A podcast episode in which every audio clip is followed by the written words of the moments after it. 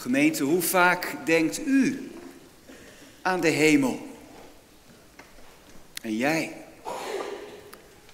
En bij de hemel denk ik dan niet aan de plaats waar God woont, of de plaats waar de gelovigen zullen zijn totdat Jezus terugkomt, maar Gods nieuwe wereld, waar we in Openbaring 21 over gelezen hebben. De plek waar je naartoe mag gaan als je in de Heer Jezus gelooft. Hoe vaak denken we daaraan? Jongens en meisjes, stel je voor dat je papa en je mama zeggen: straks, dan gaan we op vakantie. En het wordt de allermooiste vakantie die je ooit hebt meegemaakt. Of dat ze zeggen, nog even en dan ben je jarig. En dan krijg je het allermooiste cadeau dat je ooit hebt gehad. Nou, dat vergeet je niet. Als je vader en moeder dat tegen je zeggen, dan blijf je daar aan denken, zeker weten. Nou, dat geldt dan toch zeker voor de hemel. Dat allergrootste en allermooiste cadeau dat de Heere God ons wil geven. Als je daarover hoort en als je het gelooft dat de hemel er is, dan ben je daar toch helemaal vol van. En dan verlang je er toch vurig naar om daar te komen. Ja, en toch, heel veel christenen zijn helemaal niet zo met de hemel bezig. En misschien geldt dat ook wel voor u. Of voor jou. Moeten we eerlijk zeggen, nou eigenlijk denk ik niet zo vaak aan de hemel. Misschien zijn we te druk met andere dingen. Dat is de grote tactiek van de duivel. Hij wil niet dat we vooruitkijken en daarom probeert hij ons af te leiden en ons te richten op de dingen die het meest dichtbij zijn. De gewone dingen van elke dag waar je zo ontzettend druk mee kunt zijn. En hij zegt, de hemel en God, ja natuurlijk belangrijk, maar dat komt straks wel. Nog tijd genoeg. Nu eerst die andere dingen. En wat laten we ons gemakkelijk meenemen? Dat heeft ook te maken met ons hart. Ons hart dat door de zonde zo ontregeld en verstoord is. Onze verlangens die op de verkeerde dingen zijn gericht. Heere God, we maken hem klein en zijn gaven maken we veel te groot. De belangrijke dingen die schuiven we voor ons uit en de onbelangrijke dingen, ja daar zijn we mee bezig. John Piper, een Amerikaanse predikant, hij vertelt ergens dat hij eens las over een echtpaar dat vroeg stopte met werken. Hij was 59, zij was 51 en ze verhuisden naar de andere kant van het land om daar met hun boot te gaan varen, te sporten en mooie schelpen te verzamelen. En toen John Pijper dat las, raakte hem dat diep. En hij zegt, moet je voorstellen dat dat echtpaar voor de Heer Jezus moet verschijnen. Op de dag van het oordeel. Wat moeten ze dan zeggen? Kijk, Heer Jezus, mijn schelpen. En we voelen wel aan, natuurlijk zit hem dan niet in die schelpen, daar gaat het niet om. Maar John Pijper wil ons met dit voorbeeld wel heel ernstig waarschuwen. Pas op dat je je niet laat afleiden. Kijk verder. Richt je op de Heere God en, en richt je op die toekomst die Hij je wil geven. En dan heb je de tijd niet mee. Cultuurfilosofen noemen onze tijd een seculiere tijd. Een tijd waarin alles draait om het hier en nu.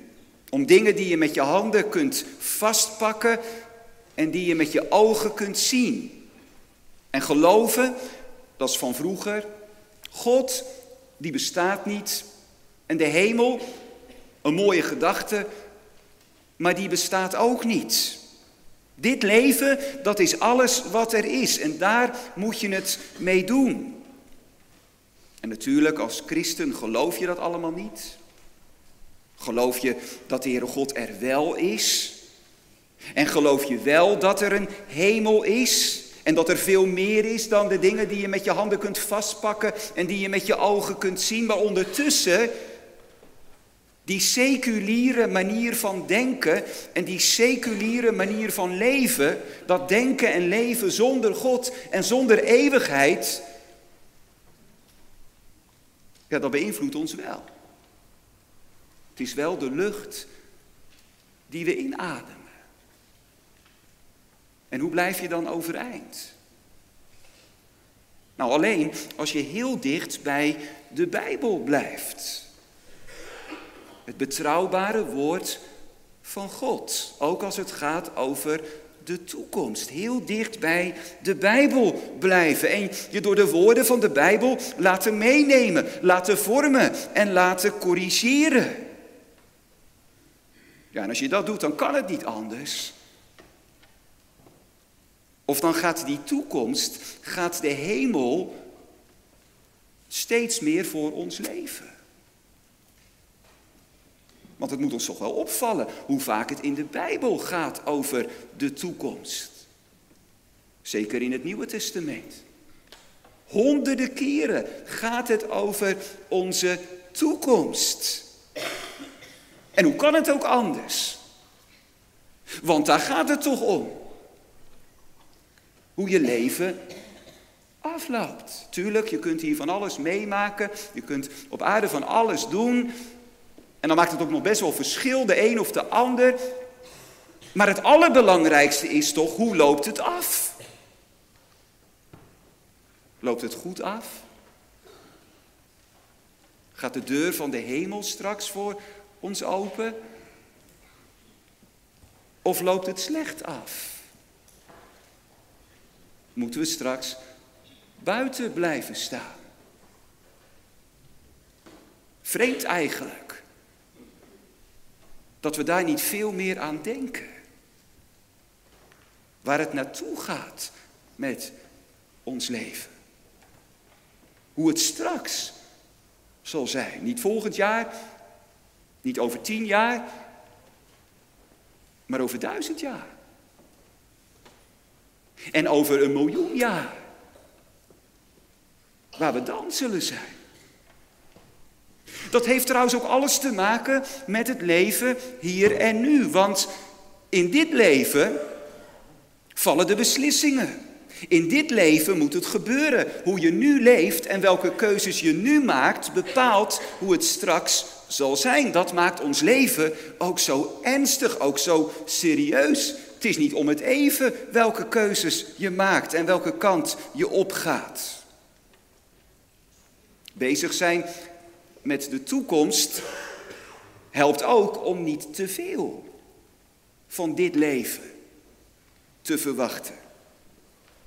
Kijk, als dit leven alles is wat er is, ja, dan moet je nu voor gaan.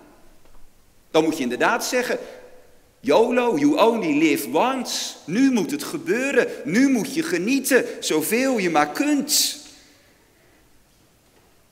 Nou, een gelovige hoeft niet in zo'n kramp te leven.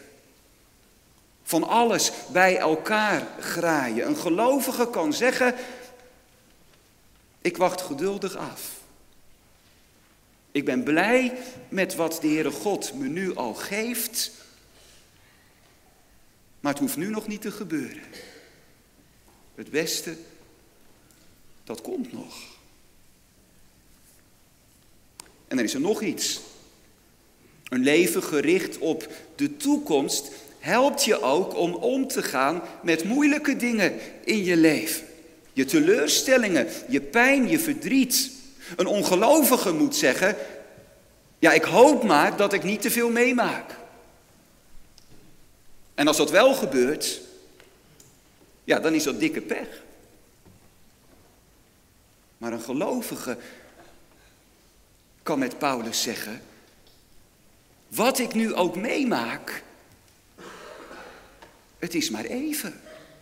Vergeleken met de eeuwigheid. En hoe zwaar het nu ook weegt, het is niets vergeleken met de heerlijkheid die de Heere God me straks geeft. Nu strijden, maar straks de overwinning.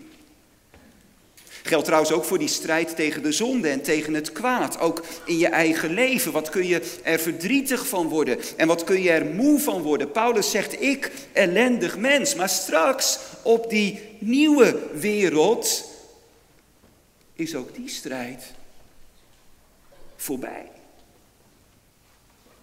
Nou, in Openbaring 21 hebben we gelezen over die nieuwe wereld die eenmaal komt. Johannes, hij mag er iets van zien. En wij mogen vanmorgen even meekijken. En het is een visioen wat Johannes te zien krijgt. Er worden dingen gezegd, maar hij mag vooral ook wat zien. Dat wil zeggen, de Heere God, hij spreekt door beelden. Beelden die lang niet alles zeggen, en als je dit Bijbelgedeelte doorleest en ook andere gedeelten in de Bijbel die spreken over de toekomst, dan houd je nog vragen genoeg. En toch, die beelden zijn ook wel weer genoeg om intens naar de hemel te gaan verlangen. En dat is ook de bedoeling. Als je dit Bijbelgedeelte leest, dat je bij jezelf denkt, daar wil ik zijn. Sterker nog, daar moet ik zijn. En dan vallen in Openbaring 21, in dat eerste gedeelte, drie dingen op. Allereerst dat we in vers 1 lezen over de aarde. Ja, een nieuwe aarde, zeker. En toch een aarde, een nieuwe hemel en een nieuwe aarde. Sommige mensen denken bij verlossing aan van de aarde afgaan en naar de hemel toe gaan. Nou, soms wordt er in de Bijbel zo ook over gesproken. Je gaat van de aarde af en je gaat naar de hemel toe, zoals de Heer Jezus ook terugging naar zijn vader in de hemel. Maar als er in de Bijbel zo over gesproken wordt, dan is dat tijdelijk. Dan gaat het over die tijd voordat de Heer Jezus terugkomt. Als je in Hem gelooft en je sterft, dan ben je meteen bij de Heer Jezus. Heden zult u met mij in het paradijs zijn, zegt de Heer Jezus tegen die moordenaar aan het kruis. Maar dat is nog niet het einde. Het gaat nog verder. Als Jezus terugkomt, dan krijgen de gelovigen een nieuw lichaam. En dan gaan ze terug naar de aarde. Een vernieuwde aarde, maar wel een aarde. Dat is ook wat we in vers 2 lezen. En ik, Johannes, zag de heilige stad, het nieuwe Jeruzalem, neerdalen van God uit de hemel. Dus niet van de aarde naar de hemel. Nee, de hemel komt op aarde. Dat is wat God belooft. En daarom lezen we ook in vers 5 niet dat de Heere God zegt en zie, ik maak allemaal nieuwe dingen. Nee, hij zegt en zie, ik maak alle dingen nieuw. God gooit de aarde niet weg. Hij zet de aarde niet aan de kant. Hij vernietigt de aarde niet, alsof hij wil zeggen, ja hier kan ik niks meer mee beginnen. Dit was van vroeger. Nee, hij vernieuwt de aarde. En dat betekent dat het leven op de nieuwe wereld best zal lijken op het leven zoals we dat nu hebben. Misschien hebben we wel eens gedacht, ik vind de hemel eigenlijk best vaag. En denken we aan iets dat totaal niet met dit leven te vergelijken is. Nou, daar moet je voorzichtig mee zijn. We mogen niet te geestelijk over de hemel denken. Alsof de aarde en alsof het leven op de aarde iets slechts is. Een probleem, een probleem waarvan God ons moet verlossen. Nee, de God heeft ons niet voor niets op de aarde neergezet. De aarde is ons thuis. En als je in de Heer Jezus gelooft, dan vindt ook die toekomst plaats op de aarde. Een vernieuwde aarde, maar wel een aarde. Je zou het ook zo kunnen zeggen. De Heer God verlost ons niet als losse mensen. Los van de wereld om ons heen. Los van de rest van de schepping. Nee, het gaat de Heere God om de hele schepping. Met alles wat daarbij hoort.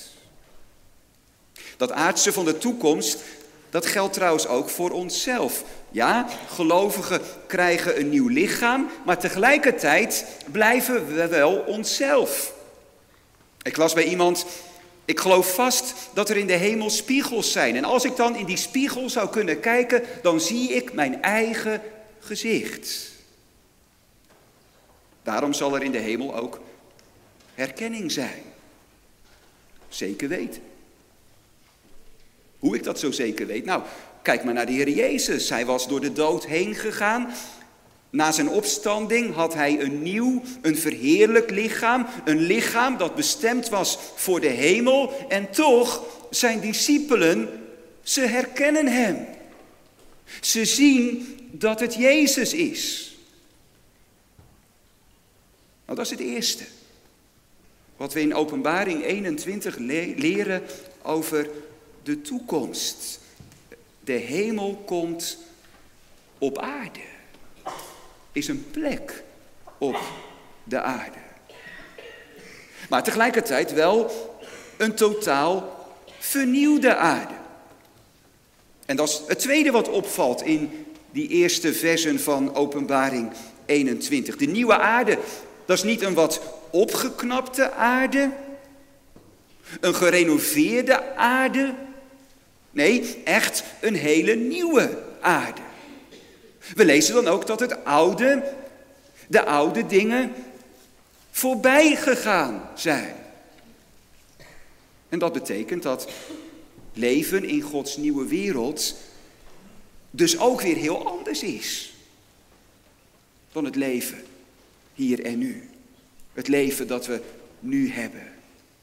Want het is een leven zonder pijn, zonder verdriet, zonder dood en zonder zonde. Ja, je kunt het je bijna niet voorstellen. Geen zieke kinderen meer. Of kinderen die jong sterven. Geen handicaps meer. Geen depressie of burn-out of ander psychisch lijden meer. Geen honger meer. Geen dorst meer. Geen aftakeling meer bij het ouder worden. Geen ruzie meer. Geen pesten, geen roddelen. Geen verwijdering meer tussen mensen. Geen afscheid nemen van geliefden. Geen scheidingen meer, geen oorlog meer, geen ongelukken meer. Geen misbruik en uitbuiting meer. Voorbij met de eenzaamheid, met de onrust in je hart. Of met dat diepe gevoel van leegheid. En al die andere dingen die dit leven soms zo zwaar maken. Heel mooi hoe we dat lezen aan het eind, hoe we dat lezen in vers 4, waar, waar staat, God zal alle tranen van hun ogen afwissen. God. Daar gebruikt hij geen engel voor. In de hemel zal er niet een engel komen die onze tranen afwist. Nee, God zelf zal dat doen. Heel persoonlijk. Hij troost ons. Doet hij nu al. En als je met je verdriet en met je pijn bij de Heer Jezus zijn zoon schuilt. De Heer Jezus die ons ook vanmorgen oproept. Kom naar mij toe, allen die vermoeid en belast bent. En ik zal u rust geven. Als je dat doet, dan ontvang je ook rust. En als we het gedaan hebben, dan kunnen we er ook wel iets over vertellen. Dat inderdaad de Heere God door zijn zoon nu al troost. En nu al tranen afwist. Maar dan volkomen. En voor altijd. En dat betekent ook dat al onze vragen worden beantwoord. Nu zeg je vaak nog, Heere God, ik wil op u vertrouwen dat uw weg de goede weg is. En ik wil het met de dichter van Psalm 42 meezeggen. Hoop op God. Wat buig je je neer, o mijn ziel? Vertrouw op de Heere. En tegelijkertijd, ik denk zo vaak, Heere God, waarom doet u het zo? Ik begrijp het niet. Waarom u deze weg met mij gaat. En ik zie het ook niet, wat het doel daarvan is. Nou, in de hemel zullen we het zien. En zullen we het begrijpen. Hoe de Heere God het zag. Wat Hij ermee voor had. In zijn plan met ons leven en in zijn plan met deze wereld. En ook wat dat heeft uitgewerkt. En dan de positieve kant. Want de hemel, dat is niet alleen geen verdriet, geen lijden, geen dood, geen zonde. Maar de hemel, dat is ook alles wat mooi is en alles wat goed is in dit leven, alles wat we dankbaar als een geschenk uit Gods hand mogen ontvangen, maar dan nog veel mooier. En nog veel beter. Een schepping 2.0, een schepping 3.0, onvoorstelbaar. Nu verlang je zelfs bij de mooiste gaven die God je geeft altijd nog naar meer. Ja, toch? Wat je ook ontvangt in je verkering of in je huwelijk of in een vriendschap of in je kinderen of kleinkinderen of in je werk of in je studie of in een mooie vakantie of een mooi boek dat je leest of een andere mooie ervaring die je hebt of muziek die je luistert. Hoe je daar ook van kan genieten, je verwachtingen worden nooit helemaal waargemaakt. Er is altijd iets wat tussen je vingers doorglipt. Je zou altijd meer willen. Nou, in de hemel is dat voorbij. In de hemel worden al je verlangens, worden al je verwachtingen waargemaakt. De hemel, dat is de wereld waar we nu naar verlangen.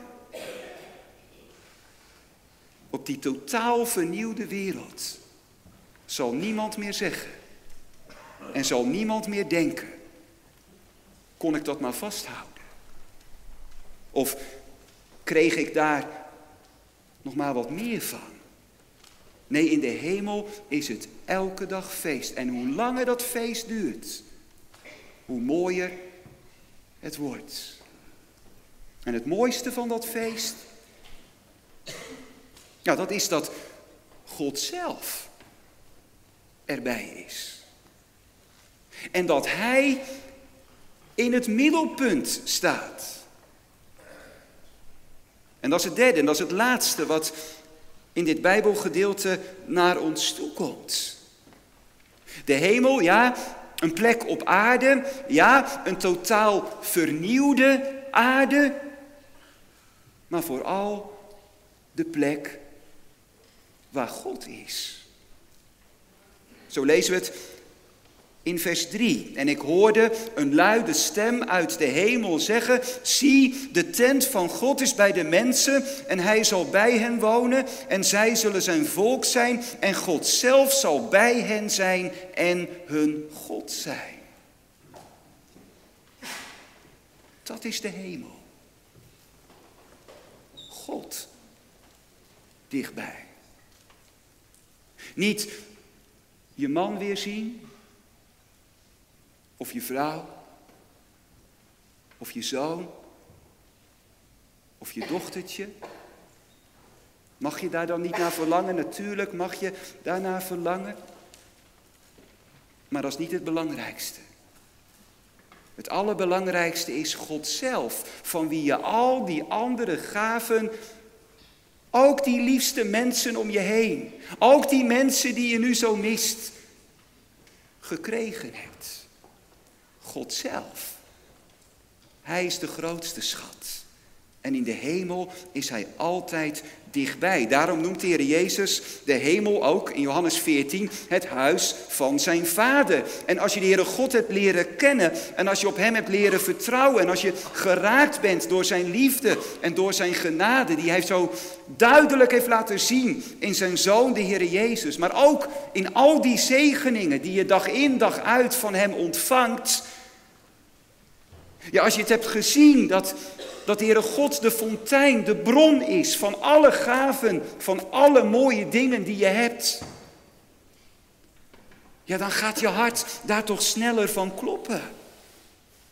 Het huis van mijn vader. God altijd dichtbij. Nu is er vaak nog zo'n afstand. Soms omdat de Heere God zich verbergt. Dat doet hij wel eens. Om ons op de proef te stellen. Of ons geloof te verdiepen. Maar veel vaker omdat wij ons voor de Heere God verbergen. Omdat wij zorgen voor afstand ligt ook zo vaak zo dubbel in het leven van het geloof. Ja, je kunt de Heere God niet missen. Ja, je hebt ontdekt dat Hij het allerhoogste en het eeuwige goed is. En tegelijkertijd, je kunt God vaak zo heel goed missen. En je vraagt je af, hoe kan dat samengaan? En je hebt ook zo vaak zo'n verkeerd beeld van de Heere God. Dat je hem wantrouwt in plaats van dat je dagelijks je lege handen door hem laat vullen zo vaak afstand. Maar Johannes zegt straks, straks is dat voorbij. Straks komt Gods tent op de aarde. In het begin van Openbaring 22, het vierde vers, lezen we het nog mooier. En zij, wij zullen zijn aangezicht zien. God zien. Nu wandelen we door het geloof, zegt Paulus. Maar dan zullen we zien, God zien. En dat kun je figuurlijk opvatten, dat God zo dichtbij is en dat je zo van zijn aanwezigheid doordrongen bent en dat je zo houvast mag vinden in zijn liefde en in zijn zorg, dat het net is alsof je bij de Heere God in zijn armen ligt figuurlijk God zien, maar voor een deel ja ook letterlijk. Want in de hemel zul je de Heer Jezus zien. Zul je Hem in de ogen kijken. Wat een dag zal dat zijn. En al die andere dingen dan? Is de hemel dan toch niet aards? Gaat het dan toch alleen maar om God? Nou, dat gaat samen.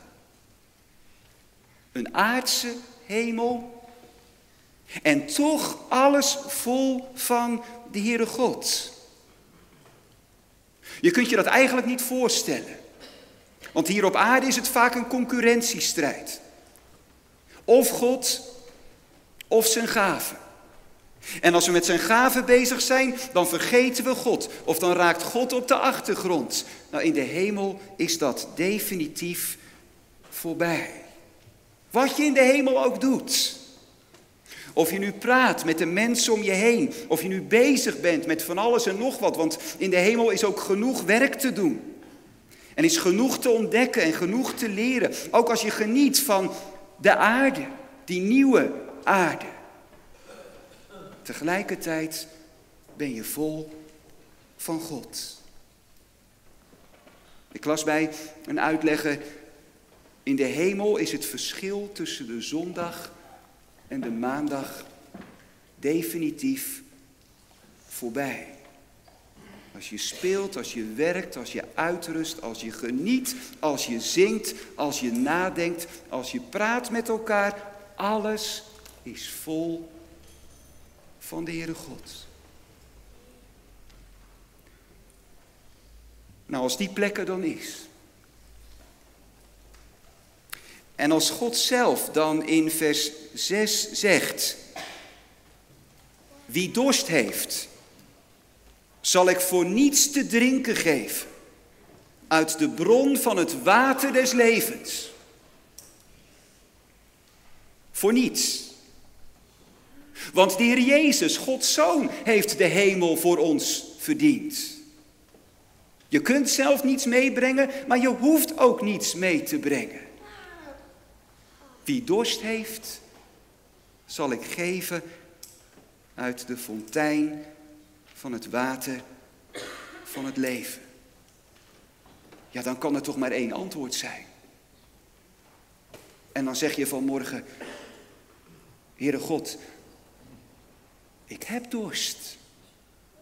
Daar verlang ik naar. Om voor altijd dicht bij u te zijn. En om uw zoon, de Heer Jezus, met mijn eigen ogen te zien. Dat is pas echt leven.